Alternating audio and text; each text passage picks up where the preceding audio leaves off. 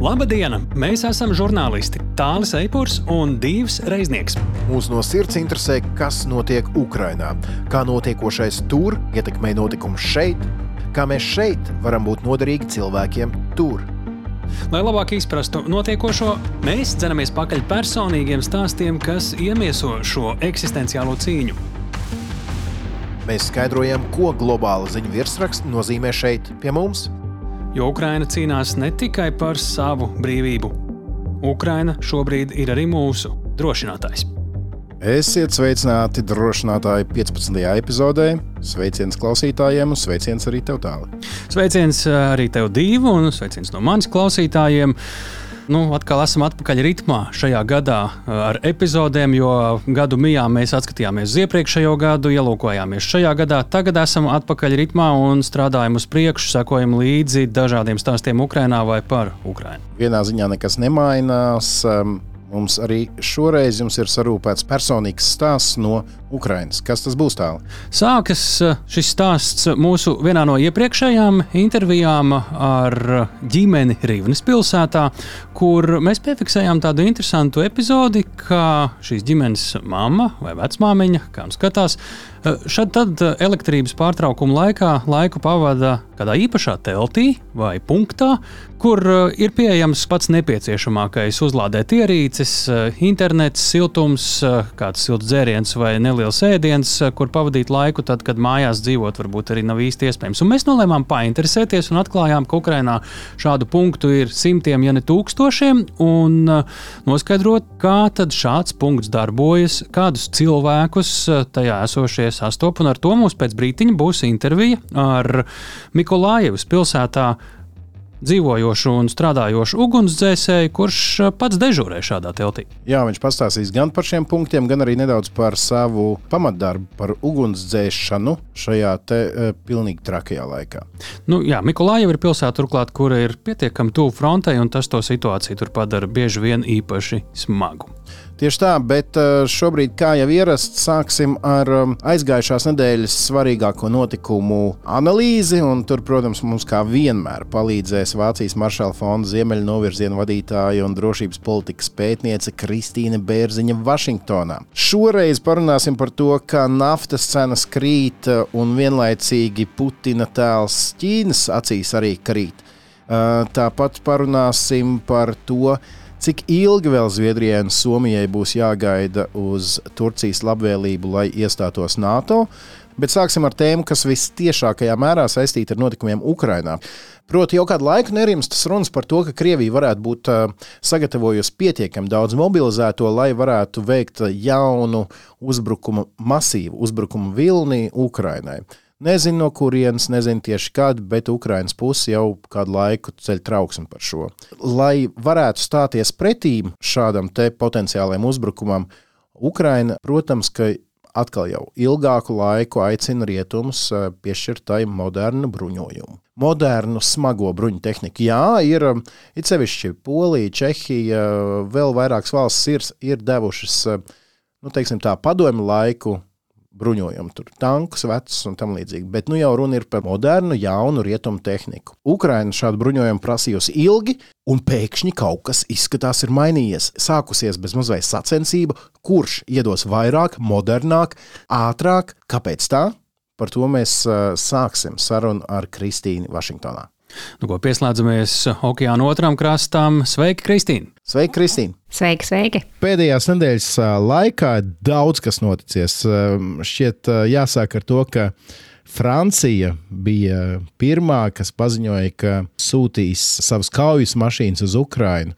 Pēc tam ASV un Vācija paziņoja, ka arī sūtīs nevis tankus, bet kaujas mašīnas, kas pasargā karavīrus kaujas laukā no lodēm. Attiecīgi 50 amerikāņu Bredlī, 40 vācu mārderi. Un, eh, kā noskaidroja vēlāk manīgākie žurnālisti, tad Francijas prezidents Makrons esot bijis tas, kurš gribējis laust tabū tēmu par rietumu tanku piegādēm Ukrainai. Proti, tātad mēs runājam par šīm nedaudz vieglākajām bruņu mašīnām, bet paturam prātā tankus. Kā tev tas izskatās no Vašingtonas skatoties? Man izskatās, ka briest tanku vilnis. Jautājums ir, cik ātri šis viss attīstīsies. Jo no ASV ir nācis stimuls.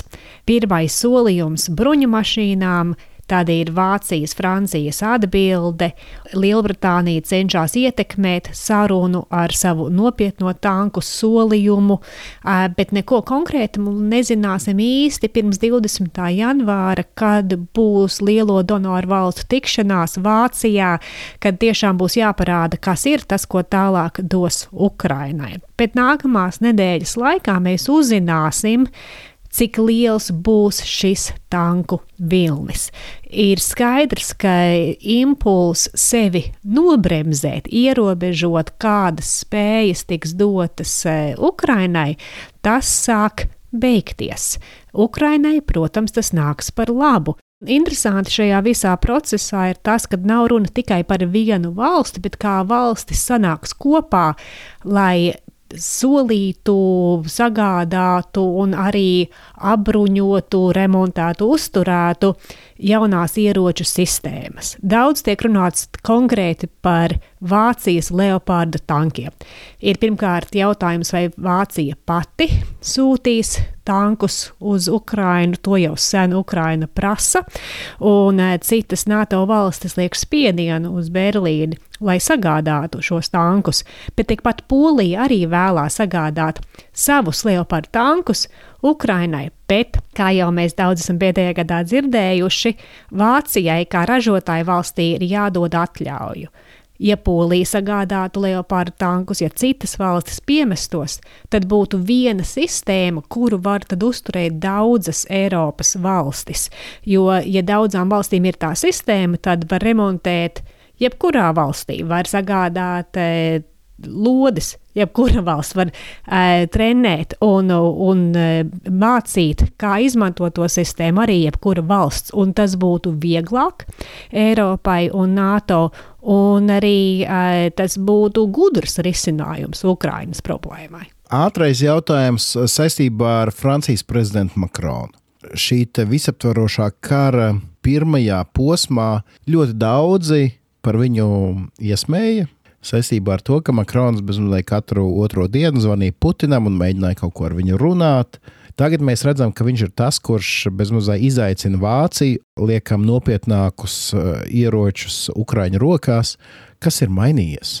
Sākumā izskatījās, ka Makrons vēlās spēlēt starpnieka lomu. Tas, ka vismaz vokāli skaļi šis parādās, nozīmē, ka kaut kas ir mainījies un ka pātrināsies iespējams Francijas eh, vadība šajos jautājumos ja Francija nebremzē, tā ir laba lieta. Un e, svarīgi ir, ja Francija grib kaut ko bīdīt, nedarīt to aizkulisēs. Jo stingra un skaļa nostāja no Eiropas puses palīdzēs Ukrainai. Īpaši tādēļ, ka no ASV puses nav gaidāmas jaunas lielas paketes. Mēs jau par to runājām, ka decembrī ko iztujumu cauri, ka tas jau tagad kādu laiku būs viss. To tagad jāiztērē, un tā ir milza nauda, tie vairāk nekā 40 miljardi. Bet tagad ir iespējams kļūt par zvaigzni Eiropas līmenī, un ja Amerikā valda neliels bardaks, tad arī izcelties amerikāņu un visas pārējās pasaules acīs. Labi, iesim pie nākamās tēmas.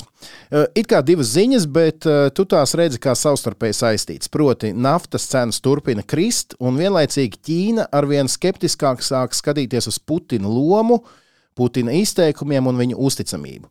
Pagājušā gada sākumā likās, ka Ķīna bija atļāvusi Krievijai iebrukt Ukrajinā.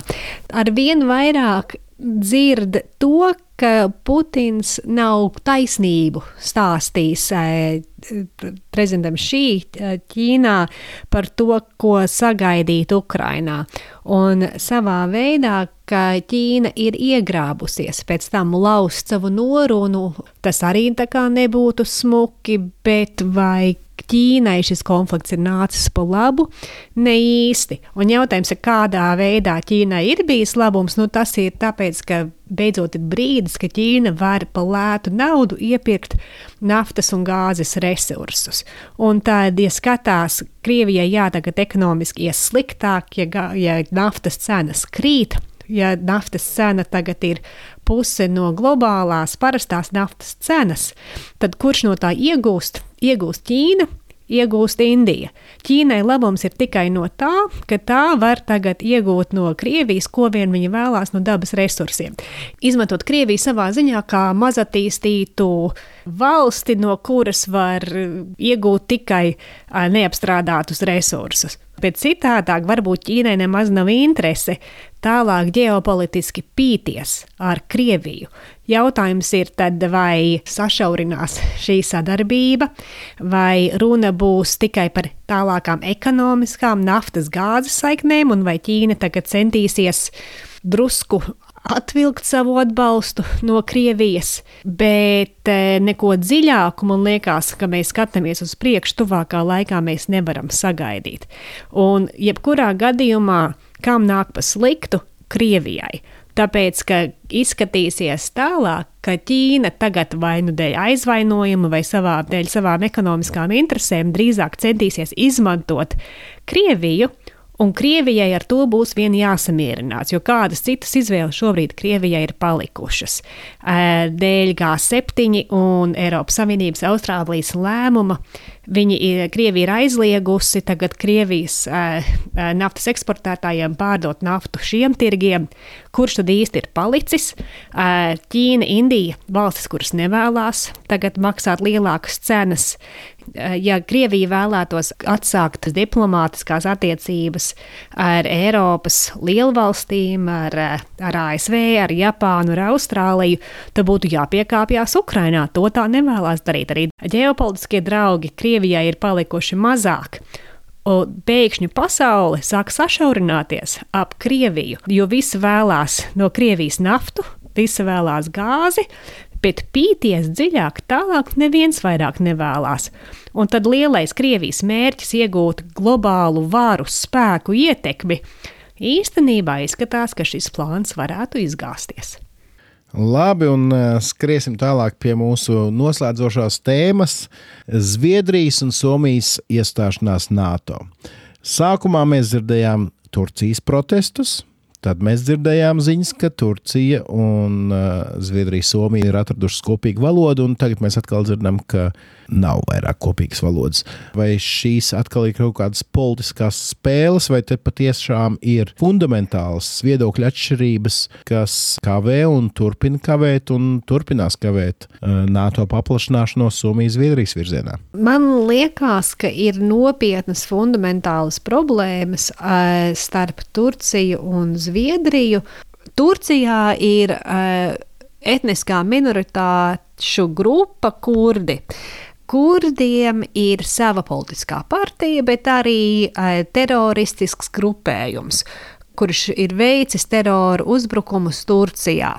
Ir daudzi kurdi, kuri ir meklējuši politisko patvērumu Ziemeļvalstīs, īpaši Zviedrijā. Turcija uzskata, ka atsevišķas personas, kurām ir jau dots politiskais patvērums vai kurām tiek izskatīts politiskais patvēruma jautājums Zviedrijā, ka tās personas ir ar teroristiskiem nolūkiem saistītas vai arī ar, saistītas ar, ar puča mēģinājumu pret Erdoānu, kurš notika pirms vairākiem gadiem, un vēlās, lai Zviedrija izdod šīs personas Turcijai. Pirms Turcija ir gatava pieņemt Zviedriju NATO. Šie jautājumi īpaši attiecās uz Zviedriju un mazāk uz Somiju. Lai gan abai, abās valstīs ir eh, kurdi, kuri ir eh, saņēmuši vai arī cenšas saņemt politisko patvērumu. Zviedrijas valdība uzskata, ka tā nevar iejaukties tiesas procesos. Valdība nevar nolemt, kurš ir nopelnījis vai nav nopelnījis patvērumu. Tas ir tiesu jautājums. Un tur, kur ir jautājumi par likumdošanas maiņu, tie jau ir, ir risināti. Turcija ir pieprasījusi, lai Zviedrija un Somija maina savu likumdošanu tā, lai tā nopietnāk uztvērtu terora draudus. Tas jau tiek darīts. Jautājums ir par konkrētām personām, kurām jau ir tiesas lietas Zviedrijā un Somijā, bet vairāk Zviedrijā. Un, lai cik liels būtu spiediens no Turcijas puses, Zviedrijas valdība uzstāja, ka tā nav spējīga iejaukties tieslietās. Bet Turcijai šī atbilde nepatīk. Un es šaubos, vai pirms Turcijas vēlēšanām, kuras notiks vasarā, šo jautājumu mēs būsim risinājuši. Tādēļ, ka politiski prezidentam Erdoganam ir ļoti izdevīgi turpināt likt spiedienu Ziemeļvalstīm tieši šajā kurdu jautājumā. Tāpēc, ka iekšpolitikā tas viņu parāda kā spēcīgu, agresīvu, spējīgu prezidentu. Un tas ir tas, kas patīk viņa vēlētājiem, un šī nostāja ir tautas līmenī arī ļoti atbalstīta. Labi, liels paldies, Kristīna Bērziņa. Tā bija Vašingtonā. Paldies, un līdz nākamnedēļai. Paldies, Kristīna.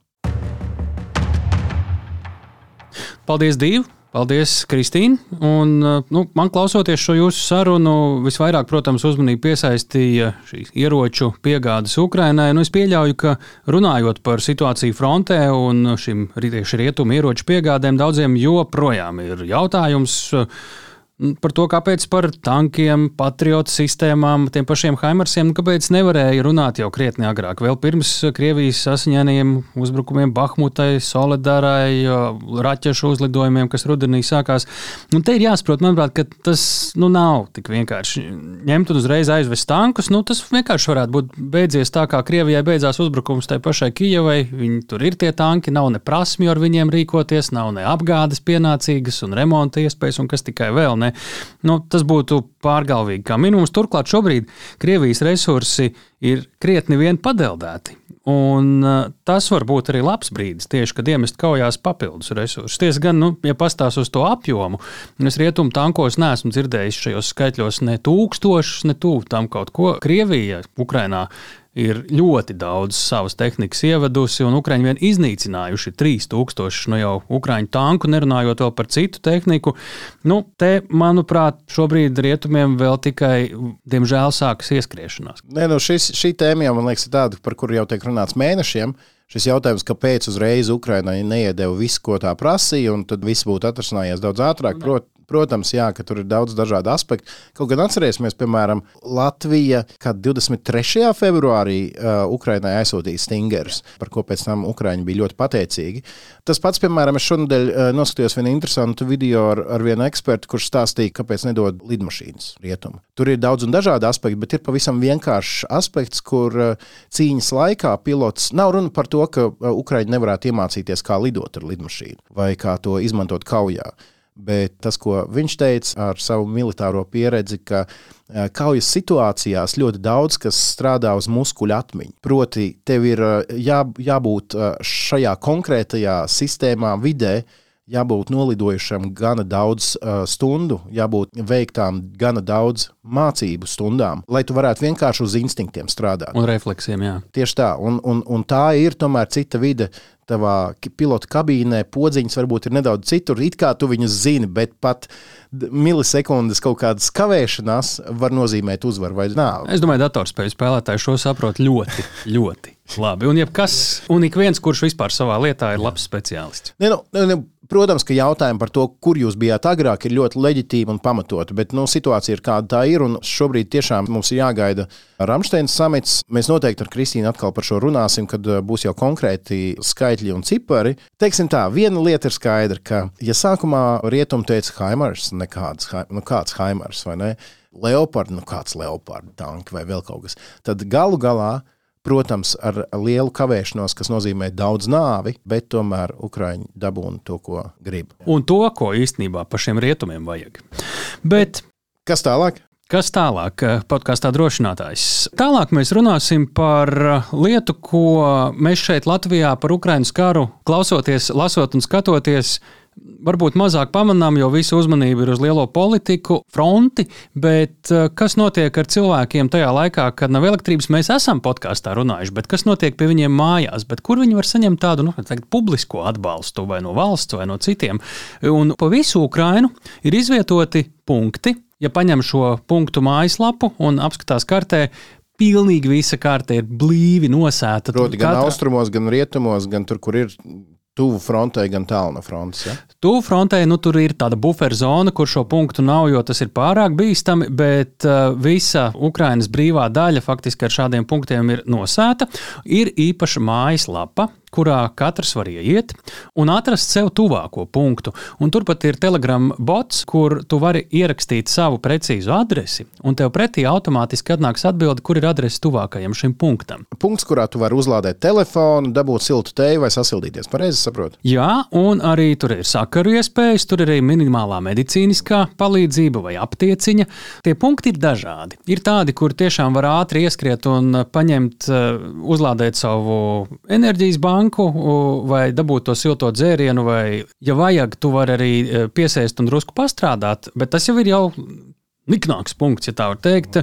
Viņi ir atšķirīga līmeņa, Mēs dzirdēsim, mums būs par to pēc brīdiņa saruna, nedaudz precīzāk. Un arī kārtē var redzēt, ir dzeltenie punkti un ir zilie punkti vai zibenīši. Tā viņi tur ir apzīmēti. Un pēc tā tu vari saprast, uz kurieni vislabāk tev doties. Tad, kad tev telefons ir izlādējies, tad, kad tev darbā nav elektrības un tad, kad tev kaut kur tomēr vajag turpināt strādāt. Jā, bet es tālu sekoju līdzi tev arī Twitterī. Un es pamanīju, ka, ka šai, šai intervijai gatavojoties, vai pēc tās jau tu uh, saviem sekotājiem uzdevi interesantu jautājumu, kā vispār šādu punktu saukt pareizi. Jā, kā tulkot to no ukraiņu valodas, jo ukraiņu valodā ir punkts nezlamnosti. Un tas burtiski nozīmē It kā nesalaužamība, bet. Uh, Proti, nu, tāda gara nesalaužamība, acīm redzot, jo šis ir gan lingvistisks, gan simbolisms apvīts filozofisks dabas jautājums.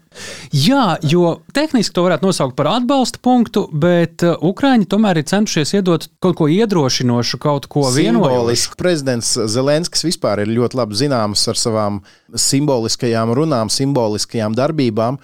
Un arī šie punktu nosaukumi, acīm redzami, ir tādi. Un, un tāpēc man bija ļoti interesanti paskatīties. Tu palūdzi saviem Twitter sekotājiem viņu versijas, un dažas versijas bija pavisam interesantas. Es tā, nu, ja drīkst nocitēt, Ilva Everta saka, tas varētu būt nesalaužamo punkts. Piemēram, Uģis Lībijams, mūsu kolēģis no Latvijas radio, piedāvā variantu nesatriecamie punkti vai nesagraujamie punkti. Ivo Kušķis um, saka, nesagraušanas punkts. Sanita Jenberga, arī žurnālista, neuzvaramo vietas piedāvā.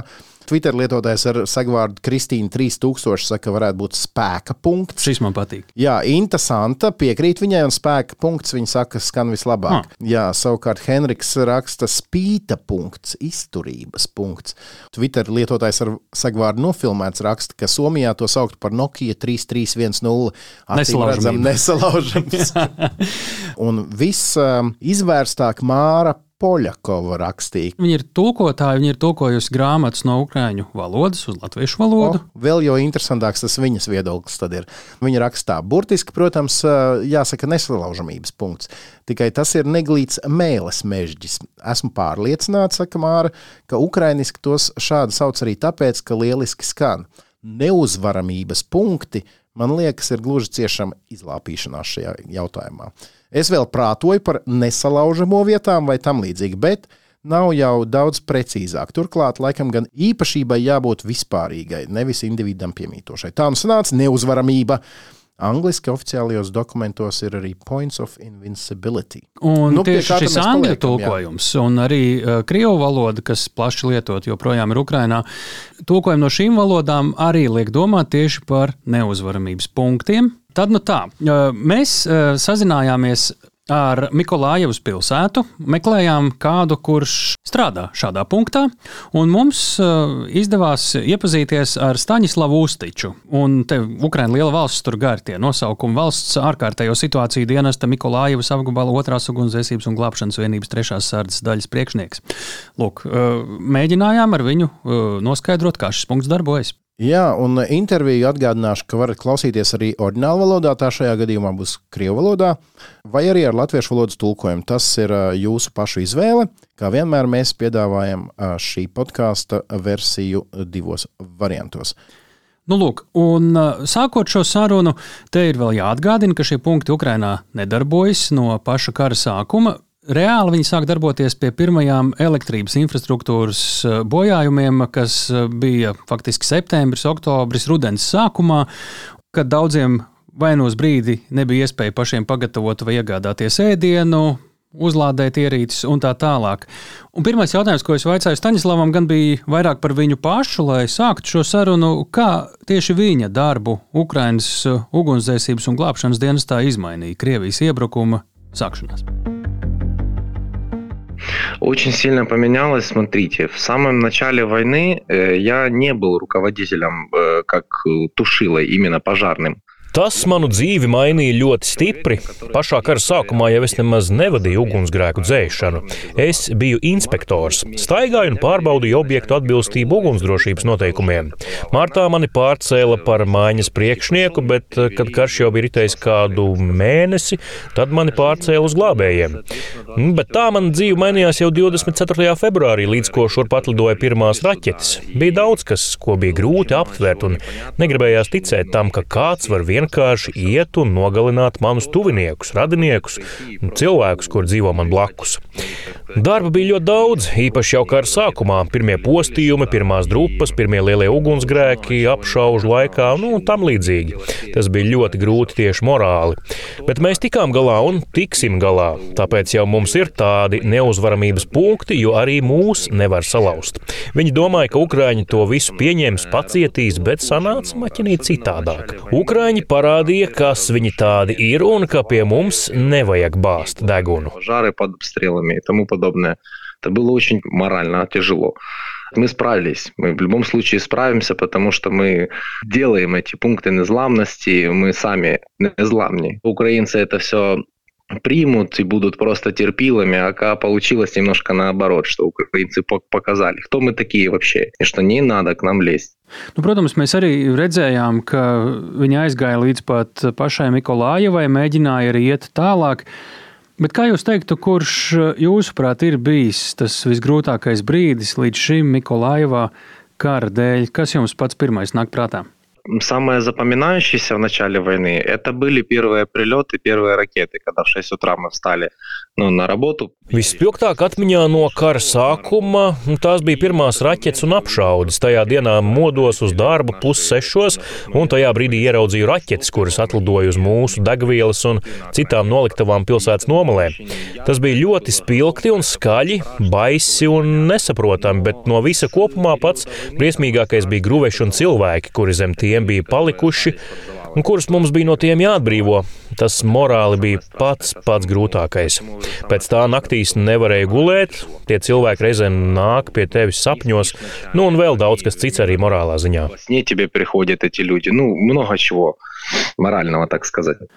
Nu, kā jūs tā, saviem vārdiem raksturotu šī brīža situāciju pilsētā? Slava Bogu, stala namnoga patiša. Как по мне, буквально сколько. Paldies Dievam, ir kļuvis daudz klusāks. Nu, jau kādu mēnesi pa mums nešauja. Jau esam atradinājušies no katru dienu notiekošām apšaudēm un sprādzieniem, no tā visa. Darba gan mums tāpat joprojām ir ļoti daudz, bet cilvēki sāk atgriezties. Tiesa, man ir grūti noticēt, ka pilsētā ir nākotne, jo iznīcināta ir visa kritiskā infrastruktūra, arī daudzas universitātes, augstskolas, bērnu dārzi. Tas ir vienkārši nolīdzināts līdz ar zemi. Nezinu, Nezinu, ko šeit darīs jaunatne, ja neskaidra pilsētas atjaunošana tuvākajos piecos gados pēc uzvaras. Что тут будут делать молодежь, кроме того, как отстраивать город ближайшие пять лет после победы? Ну, я не знаю. Mēs jūs atradām un sazinājāmies, jo zinājām, ka esat saistīts ar tā sauktajiem neuzvaramības vai nesalaužamības punktiem, jeb punkti nezlamnosti. Kāda ir šī jūsu saistība? Э, смотрите, мы являемся как обеспечивающий персонал, ну, то есть люди, которые отвечают за имущество, которое находится в этом. Nu, mēs esam kā apkalpojošais un tā darbību nodrošinošais personāls. Atbildam par lietām, kas atrodas šajā punktā. Pirmkārt, mūsu pienākumos ir uzņemt cilvēkus, kuriem vajag mūsu palīdzību. Tā var būt medicīniskā palīdzība, tā var būt elektronisko ierīču uzlādēšana, vai silts dzēriens, vai arī paēdināšana, vai citas pirmās nepieciešamības lietas laikā, kad nav elektrības un siltuma. Tas viss mums šeit ir. Te strādā benzīna ģeneratori, kad nav elektrības šeit tiek pūsts siltais gaiss, teltī ir silts. жизни у нас здесь есть. У нас здесь есть бензогенераторы, которые постоянно работают при отключении света. Есть нагнетатели теплого воздуха. То есть в этой палатке тепло. Kas vispār uh, finansiāli uztur un organizē uh, šos neuzvaramības punktus? Tas ir pašvaldības vai valsts pārziņā, mm, caur ugunsdzēsējiem un iekšlietu struktūrām, vai tas ir kaut kā citādi? Jo kartē to ir tik daudz, ka šķiet, ka tie varētu būt uh, arī zem dažādām iestādēm. Это государственная идея, которая придумана, ну, насколько я знаю, нашим президентом. Ideja nāk no valsts. To, cik dzirdēju, izdomāja prezidents. Viņš eh, sacīja, ka katrā pilsētā, vienalga vai tā bijusi okupēta vai frontes tūmā, ir jābūt šādiem punktiem, lai cilvēki vienmēr varētu uzturēt sakarus ar saviem radiem un tuvajiem, attiecīgi arī saņemt pirmo medicīnisko palīdzību, pēstu, padzertos ūdeni, tēju un līdzīgi. Citiem vārdiem būtu siltumā un ar saziņas iespējām. No valsts struktūrām neuzvaramības punktos atrodas valsts ārkārtas situāciju dienests, arī policisti, tāpat arī no vietējās administrācijas kaut, nu, lai vai kaut ko parādītu vai palīdzētu ar naktsmītni, ēdienu. Tās lietas risina viņi, sociālos pakalpojumus un tam līdzīgi. Mums ugunsdzēsējiem ir jāsatiek un jānodrošina cilvēki ar pirmo nepieciešamo - pabarot, padzirdīt, sasildīt un apgādāt ar elektrību vai siltumu. Людей, это накормить их, напоить, охладить, обогреть и дать им необходимую, то есть электроэнергию либо тепло. Tātad tas nozīmē, ka ja es ieju jebkurā tādā punktā, es visticamāk satikšu kādu ugunsdzēsēju vai arī tur visādi var būt? Если это при пожарной части данный пункт незламности, то это будет и пожарный, то это может быть и полицейский. Ja punkts ir pie ugunsdzēsēju depo, tad tur varat satikt gan ugunsdzēsēju, gan policistu vai kādu no pašvaldības. Visādi var būt, bet pamatā šie punkti ir ugunsdzēsēju depo bāzes. Tā vismaz ir mūsu pilsētā. Par pārējo valstis īsti nezinu. Ir punkti arī bērnu dārzos, skolās. Tādi var būt arī ar diennakts uzturēšanās iespējām un arī arī nakšņošanu. А, un tad tur sēž kāds no skolas. В основном, да, ответственные. Pamatā jā, nu vismaz kāds atbildīgais no skolas, un tad arī vispārējie dienesti, kādi darbojas arī šeit pie mums, kur esmu es. Cik ilgu laiku jūs tur pavadāt, un kas ir tas, ar ko parasti esat aizņemti? Nu, varbūt arī nekas īpaši nav jādara, vienkārši jāpieskata, kā tur ir. Значит, когда ну, есть свет, есть все условия для, жи- для жизни, в основном люди не приходят. Tad, kad pilsētā ir elektrība un viss cits, lai mierīgi dzīvotu, cilvēki nemaz nenāk. Nav tādas vajadzības izmantot neuzvaramības punktu. Pamatā cilvēki sāk nākt tad, kad atslēdz elektrību. Esat uh, taču dzirdējuši, ka mums ir elektrības atslēguma grafiki. Un tad mēdz nākt daudz cilvēku. Pamatā viņi nāk uzlādēt savas ierīces un pasēdēt internetā un arī socializējas ar pārējiem. Savukārt mēs viņiem ierādām brīvas vietas, piedāvājam tēju, kafiju, sātīgu maltīti свободные места, предлагаем чай, кофе, обильное теплое питье. Ko nozīmē šīs brīvās un aizņemtās vietas? Tie ir kā krēsli, pie kuriem ir kādas, nezinu, OSB rozetes uzlādēji, vai tas ir kā citādi? Vienkārši visur ir izlikti parasti pagarinātāji. Ага. Что еще там есть? Кроме вот того, что каждый может получить для своего компьютера, телефона электричество? Есть чайники, есть нагнетатели воздуха, то есть обогреватели. Nu, ir teikanas, siltuma pūtē, krēsli, saliekamās gultas, galdi, soli. Nu, viss, lai uzturēšanos padarītu ērtu. Tā ka var arī apgulties un atpūsties un pat pārnakšņot, jo mēs dežūrējam visu diennakti un uz mājām kādi 5-6 cilvēki pieskatām neuzvaramības punktu. Мы периодами меняемся. В основном 5-6 человек за сутки там меняется.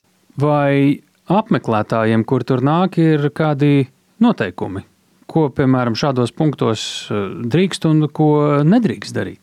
В основном только правила этикета, все. Pamatā vienkārši labas uzvedības noteikumi. Alkoholu lietot un pīpēt telpās nedrīkst, jo tā ir sabiedriska vieta, bet tā var darīt visu, ko tev vajag. Все, все, что тебе надо. Negadās tā, ka kāds tur nodzīvo arī vienu otru nedēļu vai, vai līdzīgi. Ну, крайнее, что у нас было, у нас был э, мужчина, который пробыл здесь двое суток.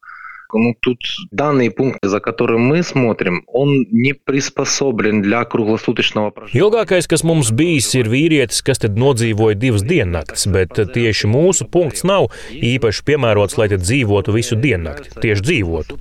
Te vairāk nāk kaut ko uzlādēt un sasildīties. Citos punktos var dzīvot arī visu diennakti ar kārtīgu karstu ēdienu, zupām, putrām.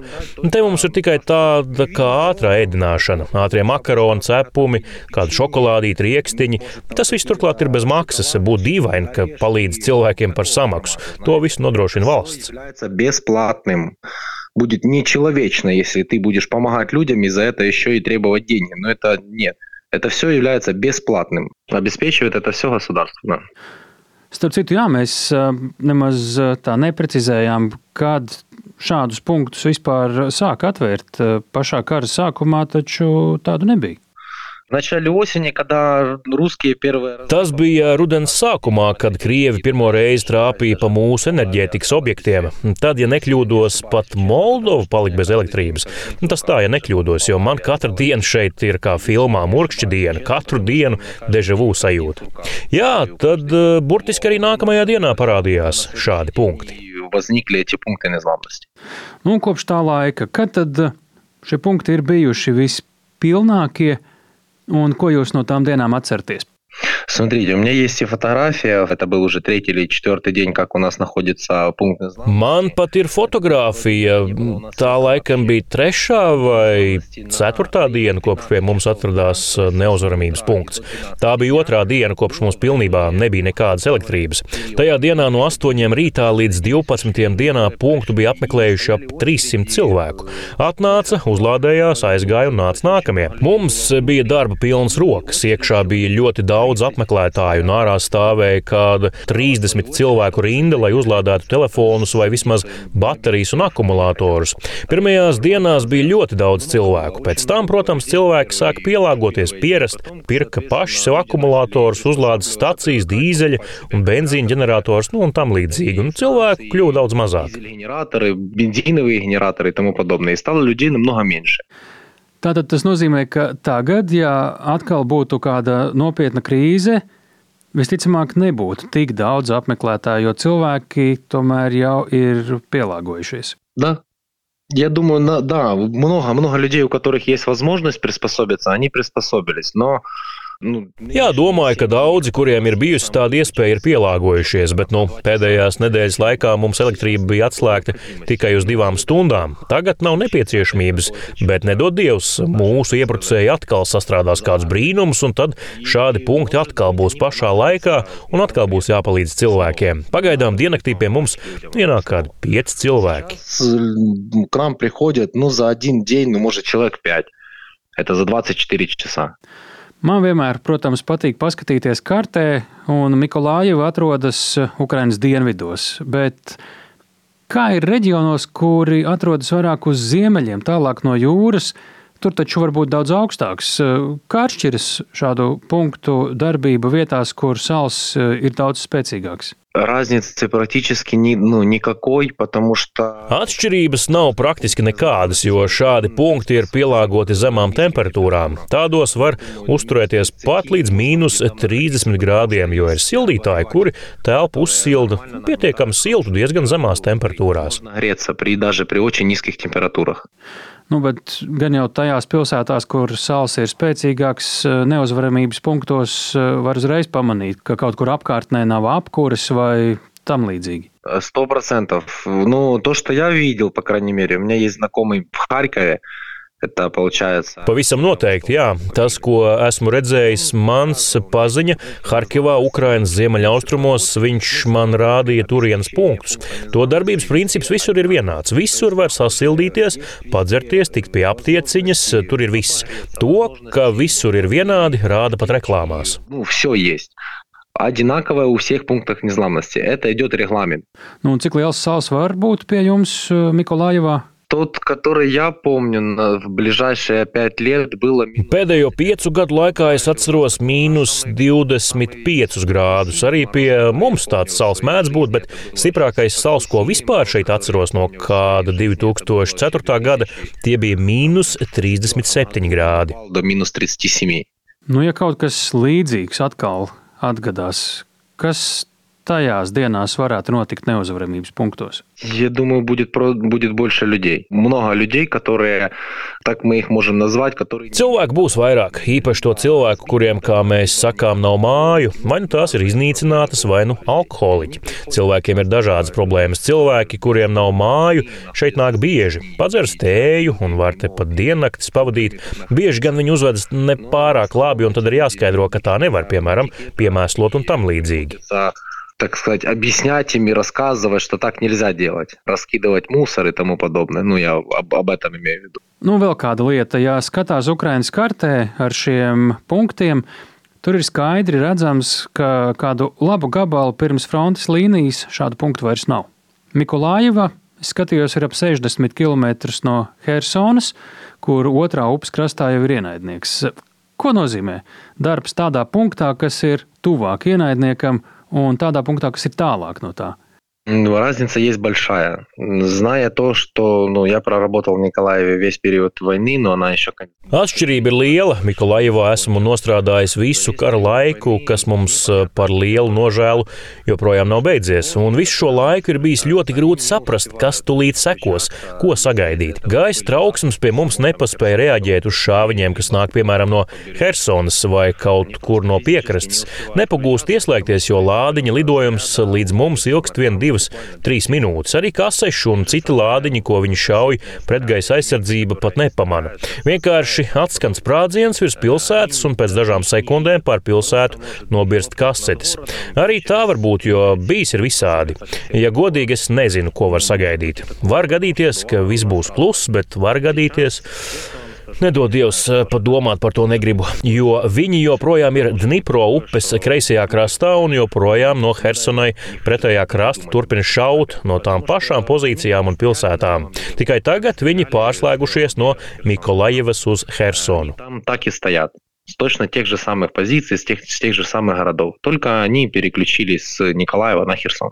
Tas nozīmē, ka arī jums darbs gan eh, neuzvaramības punktā, gan kā glābējam ir daudz grūtāk prognozējams eh, ar dažādiem nepatīkamiem pārsteigumiem. Да, да, да, да, да. Тут больше, по крайней мере, при фронтовом. Jā, tā ir. Ja nekļūdos, Miklājevai un tās apgabalam joprojām nav noņemts pie frontes pilsētas status, jo joprojām ir okupēta Kinburnas kāpa. Līdz ar to nav iespējams zināt, ko sagaidīt pēc sekundes. Piemēram, Ukrainas centrālajā vai rietumu daļā cilvēki var justies daudz mierīgāk, jo, kad ieslēdzas gaisa trauksme, viņi var pagūt noskaidrot tajos pašos telegram kanālos vai citur, kas lido, no kurienes lido un kaut ko paredzēt. Šeit nekādi nevar zināt, ko var sagaidīt kaut vai pēc stundas. Угадать. Тут непонятно, что ты, что ты можешь по- получить через час. Atgriežoties pie neuzvaramības punktiem, eh, tā ir vieta, kur cilvēki satiekas. Vis, vis, visdažādākie cilvēki un vienā punktā. Nu, un tas, man liekas, ka tīri automātiski nozīmē arī tādas jaunas pazīšanās, socializēšanos, sarunāšanos. Nu, varbūt tieši tādos punktos pat daļai arī dzimst un mm, stiprinās Ukraiņu vienotības, nesalaužamības, neuzvaramības gars? Скажу по себе, по своей семье и по своим знакомым. Буду говорить то, с чем я сталкивался. Просто в период этой всей войны, я вам скажу... Es varu spriest pēc cilvēkiem man apkārt, ģimenes un paziņām. Nu, piemēram, sagaidījām jauno gadu. Mūsu prezidents teica ļoti labu runu. Un daudzi, ļoti daudzi Ukrainā tobrīd apraudājās, jo tur viņš runāja par mūsu vectēvu un vecvectēvu vārdiem, kuri sacījuši, kā viņi priecāsies, kad pienāks otrā pasaules kara beigas. Šoreiz neviens nepriecāsies, jo daudzu cilvēku un dvēseli vienkārši vairs nav starp mums. Ir skaidrs, kāda mērķa vārdā, bet nav saprotams, kāpēc tam bija jānotiek. Mūsu neuzvaramība rodas tajā, ka mēs to vairs nevēlamies paciest. Mēs nevēlamies gaidīt un paciest, ka kaut kāds nesaprotams cilvēks, ja viņu tā vispār var nosaukt, mums mēģinās iestāstīt, ka šī ir viņu teritorija. Mēs negribam to visu paciest. Mūsu neuzvaramība tagad ir vienotībā. Ja mēs visi būsim kopā un palīdzēsim viens otram, viss būs labi. Kad karš beigsies, tad arī par pārējo domāsim. Tagad dzīvojam ar to, kas ir. И все, все друг другу будем помогать. Все будет хорошо. Закончится война, потом уже посмотрим. Сейчас живем тем, что мы живем. Смотрите, в данном пункте незламности, вот когда в первый день, когда было очень много людей, я вам скажу, я увидел просто ну, такое, что люди перестали бояться друг друга. Они начали общаться, они начали друг другу. Bet mūsu neuzvaramības punktā, pirmajā dienā, kad sanāca daudz cilvēku, es novēroju, ka cilvēki pēkšņi bija pārstājuši baidīties viens no otra. Viņi sāka sarunāties un viens otram palīdzēt. Ja kādam bija kādas grūtības, citi jautāja, kā mēs varam palīdzēt, un cilvēki bija gatavi atdot pēdējo otram, lai tikai viņam nebūtu jādomā par savām grūtībām. Es pat nezinu, kā to nosaukt. Cilvēki kļuva labsirdīgāki, saliedētāki neviena ģimene. Es arī kara sākumā vienam draugam teicu, ka nevar noticēt, ka Mikolajevieši tā satuvinājušies. Ir taču dažādi sabiedrības atzari. Ir tādi, kam ir mazāk naudas, un maz kas pieder, ir tādi, kuriem ir ļoti daudz naudas, uzņēmēji. Tagad neviens uz to vairs neskatās. Cilvēki, kuriem ir nauda, viņi palīdz. Cilvēki, kuriem tās nav, viņi vairs nesūkstās, cik tie citi ir slikti. Viņi pamagājot. Люди, у которых нет денег, они не мешают. Ну, в плане того, что они не, не рассказывают людям, что вот все такие плохие. Нет. Vai savā punktā jūs esat novērojis kādas tādas lielākas vai mazākas epizodes, kas apliecina šo noskaņojumu? Varbūt ir kāds piemērs. Не знаю, как для кого, для меня было удивление в первый день блокаута, когда у нас вырубали везде свет. Дети, которые... Nu, tas jau kā kuram. Man, piemēram, bija izbrīns, ka pirmajā dienā, kad visur atslēdz elektrību, bērni, kuri nāca uzlādēties, nāca ar konfektēm un visus ar tām cienāja. No tā vien uzreiz smaids pa visu seju un siltums sirdī. Bērni tā atnāca pat gaisa trauksmes laikā. Visi teica, jāiet uz pagrabu, uz patvērtni, bet viņi atbildēja, ah, nu tās raķetes jau lido no Kaspijas. Tās vēl ilgi lidos un ne jau pie mums. Cilvēki to uztver kā kaut ko ierastu, esam pie tā pieraduši. Un tādā brīdī bez labsirdības nekāda nevar. Nu, nekādi. Это как обыденность. Мы уже привыкли к этому. И, и без доброты никуда. Просто никуда. Для меня было удивление это Пример вам просто так привеdu.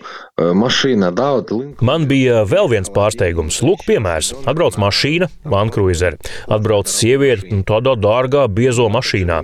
Tajā pašā brīdī uz to pašu punktu atnāca cita sieviete kopā ar bērnu.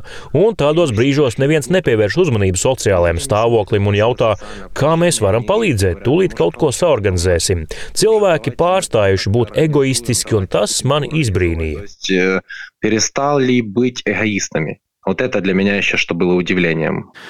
Vasarā sanāca pašam būt Ļuvivā un apkārtnē, un tas, ko es redzēju, bija, ka benzīnu nopirkt ir daudz grūtāk nekā turpat blakus Polijā. Dīzeli vispār gandrīz nekur nevarēja ieraudzīt, tirgojam, tas bija liels retums. Un tāpēc es gribēju saprast par tiem ģeneratoriem. Neuzvaramības punktos nav sarežģīti tos apgādāt ar degvielu, lai visiem pietiktu elektrības un siltuma. У нас э, как таковое обеспечение вообще государственное. То есть все, все топливо, то есть бензин, дизель, э, масла и тому подобное, нам все обеспечивает нас государство. Соответственно, на... Mūs apgādā valsts. Visa degviela, benzīns, dīzelis, eļļas un tam līdzīgi to visu nodrošina valsts. Arī ģeneratoriem atvēlēts noteikts apjoms degvielas. Brīdī, kad nekur nevarēja dabūt degvielu, mums valsts struktūrām to vienīgajiem izsniedza. Tas attiecās uz ugunsdzēsējiem, neatliekamo palīdzību, policiju. Tas viss notiek oficiāli caur visiem papīriem un dokumentiem. Mums pašiem tas nav jāpērk par savu naudu. Официально, через накладные, через э, все официальные бумажки, документы. То есть тут мы не покупаем это ни со своих денег это все, то есть ни со своего кармана. Это все государство. Данные генераторы, которые у нас стоят, э, вот. Mūsu ģeneratoriem stundā aiziet no ap 2-3 litriem degvielas. Tas nozīmē 3-4 eiro uz vienu ģeneratoru. Mums tie ir diezgan jaudīgi. Vienam ir 8 kW. Ar to pietiek gan ugunsdzēsības depo, gan neuzvaramības punktam. Punktā ir vēl viens atsevišķs ģenerators ar 5 kW. Ar to pietiek daudziem vienlaikus lādēt ierīces līdzsvaru nu, kādi 50-60 cilvēki. Man te kolēģis Dīvs Reiznieks arī lūdzu pajautāt, nu, ja tādā punktā satiekas dažādi cilvēki un sēž pa vairākām stundām, nu, nav sanācis, ka kādi jaunieši vai nu, arī citi ņem un iepazīstas un kļūst par pāri. Oi, nē, ne, nezināju. Čestā, nezināju. Ni... To gan es nezinu. Tiešām nezinu. Nav man atmiņā tāda gadījuma, vismaz pagaidām nav. Jaunu cilvēku gan nāk ļoti daudz. Pamatā gan tie ir puiši, vīrieši. Sieviešu un meiteņu ir krietni mazāk. Ja nāk sievietes, tad vai nu ar bērniem, vai kopā ar kādu no radiniekiem. Tās tad ir vai nu vecmāmiņas, vai sievietes, kam ir divi, trīs bērni. Tādas pēc 40 gadiem Liet tam 40, 45, такого возраста. Kāpēc ir tā, ka vīrieši ir krietni vairāk? Просто женщины в основном основная масса женщин. Ļoti daudz sieviešu ir devušās prom, vīrieši ir palikuši, bet savus tuviniekus, sievas, bērnus aizsūtījuši uz ārzemēm drošības dēļ. Es arī deviņus kara mēnešus šeit biju viens pats. Es arī savu sievu aizsūtīju tepat netālu, bet tomēr uz daudz drošāku vietu. Viņa atgriezās tikai pirms mēneša. И вот только месяц назад она вернулась. Kādas ir jūsu attiecības ar karu un karošanu? Jūs un kolēģi ugunsdzēsēji jums nav jādodas karot, vai arī jums ir jādara tieši jūsu darbs, un, piemēram, līdzīgi kā policistiem, kā tas darbojas? Вот, да, вот вы правильно сказали в конце. У каждого свое дело. У каждого свое дело, каждый учился. Свое... Jūs pareizi teicāt, katram jādara savs darbs, katrs ir mācījies savu. Ja teiks, ka jāiet karot, neviens gan nejautās, kāpēc tas ir vajadzīgs, bet šobrīd mēs darām savu darbu. Mēs, ugunsdzēsēji, neesam apmācīti, kā rīkoties ar ieročiem, kā šaut un tam līdzīgi. Mēs varam atmīnēt, savākt munīciju, bet šaut un nodarboties ar kara taktiku tas nav mūsu darbs. Es tam piekrītu un domāju, ka daudzi citi arī. Katram jādara savs darbs. Мое мнение и мнение, я думаю, многих, которые работают в данной структуре, что должен каждый заниматься своим делом. Mēs katrs mūsu raidierakstu intervijas beigās jautājam, ko jūs vēlētos, lai jums un jūsējiem novēl? Я думаю, терпение. Терпение и скорейшей победы. Все.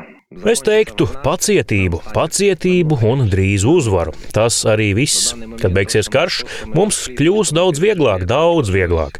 Tas, ko līdz šim esam piedzīvojuši, katram ir palicis prātā un sirdī. Daudzi par to negrib runāt, bet daudzi vēl tikai pateiks savu vārdu. Bet šobrīd tas, ko visiem jānovēl, ir pacietība, veselība un, protams, pēc iespējas ātrāka uzvara. Здоровья и, соответственно, ближайшей и скорейшей победы. To mēs jums visiem arī novēlam. Man jāsaka liels paldies jums par šo sarunu. Mums jūs stāsts par jūsu daļu no dzīves Ukrainā kara laikā ir ļoti svarīgs. Liels paldies jums! Спасибо вам большое. Мне очень приятно. Liels paldies jums! Man ir ļoti patīkami, ka izdomājāt ar mani parunāt par šo. Ceru, ka atbildēju uz visiem jautājumiem. Liels paldies! Вам ответил в полном объеме. Спасибо вам большое.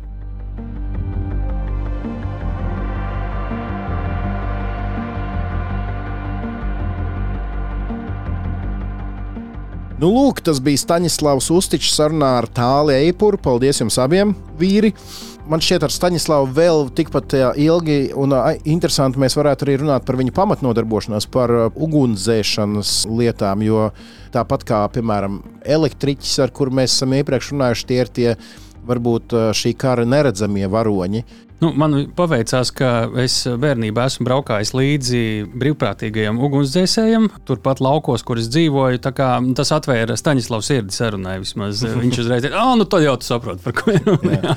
Bet ko es vēl gribēju par šiem neuzvaramības punktiem, jeb punktiņa zlamnosķi pateikt, burtiski šajās dienās tie ir izraisījuši jau tādu starptautisku diskusiju, jo kur gadījusies, kur ne, savu neuzvaramības, un šajā gadījumā nevis punktu, bet jurtu atklāja Ukrainā Kazahstāna. Vai jāsaka tā, Kazahi, jo tā nav oficiālā valsts, bet dažādi mecenāti. Un, uh, viņi saka, ka šādas jurtas uh, tiks uh, atvērtas arī citur Ukrainā.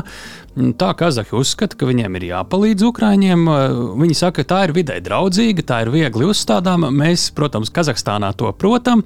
Krievijas ārlietu ministrija sāka pieprasīt paskaidrojumus, kas te notiek. Mūsu partneri pēkšņi palīdz mūsu ienaidniekiem, uz ko Kazahi atbildēja Tā ir privāta iniciatīva, cilvēki grib atbalstīt. Mēs neko nevaram komentēt un nekomentēsim. Turklāt Kazahstānā dzīvo 300 eh, tūkstoši liela ukraiņu diaspora, ir daudz jaukto ģimeņu. Kāda vēl tie jautājumi? Šeit varbūt vēl viena sacensība, ja mēs raidierakstā sākumā runājām par jaunu sacensību, kurš iedos vairāk modernākus, brīnišķīgākus tankus Ukrainai, tad eh, te varētu sākties varbūt cīņa, kurš varētu iedot Ukrainai skaistāko, ietilpīgāko, bagātīgāko vai, vai vēl kādu šo atbalsta punktu, kur cilvēkiem saņemt pamat palīdzību grūtā brīdī un pie reizes atgādināt par sevi. Nu, un, protams, Staņdārzs mums arī atsūtīja bildes, kā izskatās tajos divos punktos, kas ir pie viņa ugunsdzēsēju daļas. Tās ir divas teltis, viena tāda gaišāka, viena tāda tumšāka. Un, uh, tur ir redzams gan kā izskatās iekšpusē, gan arī kā izskatās tās rindas, kas bija tajos visgrūtākajos brīžos. Tur ir redzams arī uh, Starlink antena, kas nozīmē, ka tur vienmēr arī ir internets. Katrā ziņā to visu bildēs LSM. Uh, tuvākajās dienās pavisam noteikti arī varēsiet ieraudzīt un arī izlasīt šo sarunu vai ieteikt tiem, kuri mazāk klausās, vairāk lasa. Un noteikti arī piesakojiet, ja jūs mūs klausāties Spotify, tur ir follow un, un zvaigznītes var ielikt, var komentārus ierakstīt un citās straumēšanas vietnēs tieši tāpat. Piesakošana, man liekas, ir pats efektīvākais, jo tad jūs arī pie visām nākamajām epizodēm tiksiet klāt. Jā, bet ja jums tālis vai es galīgi nepatīkat, nepiesakojiet. Protams, ka to nevajag darīt. Bet jūs mums varat atrakstīt, kurš jums patīk, kurš jums nepatīk. Rakstiet mums, par ko jūs gribētu dzirdēt mūsu intervijas, mūsu sarunās ar Kristīnu Bērziņu, ko jūs gribētu, lai viņi paskaidro. Droši mēs esam atvērti šai komunikācijai. Ja Ja rakstat kaut ko Twitterī, lietojiet hashtag drošinātājs un uh, uz sadzirdēšanos pēc nedēļas. Uz sadzirdēšanos pēc nedēļas, un atcerieties, ka drošinātājs tas ir skaidri un personīgi par karu Ukrajinā. Raidieraksts drošinātājs.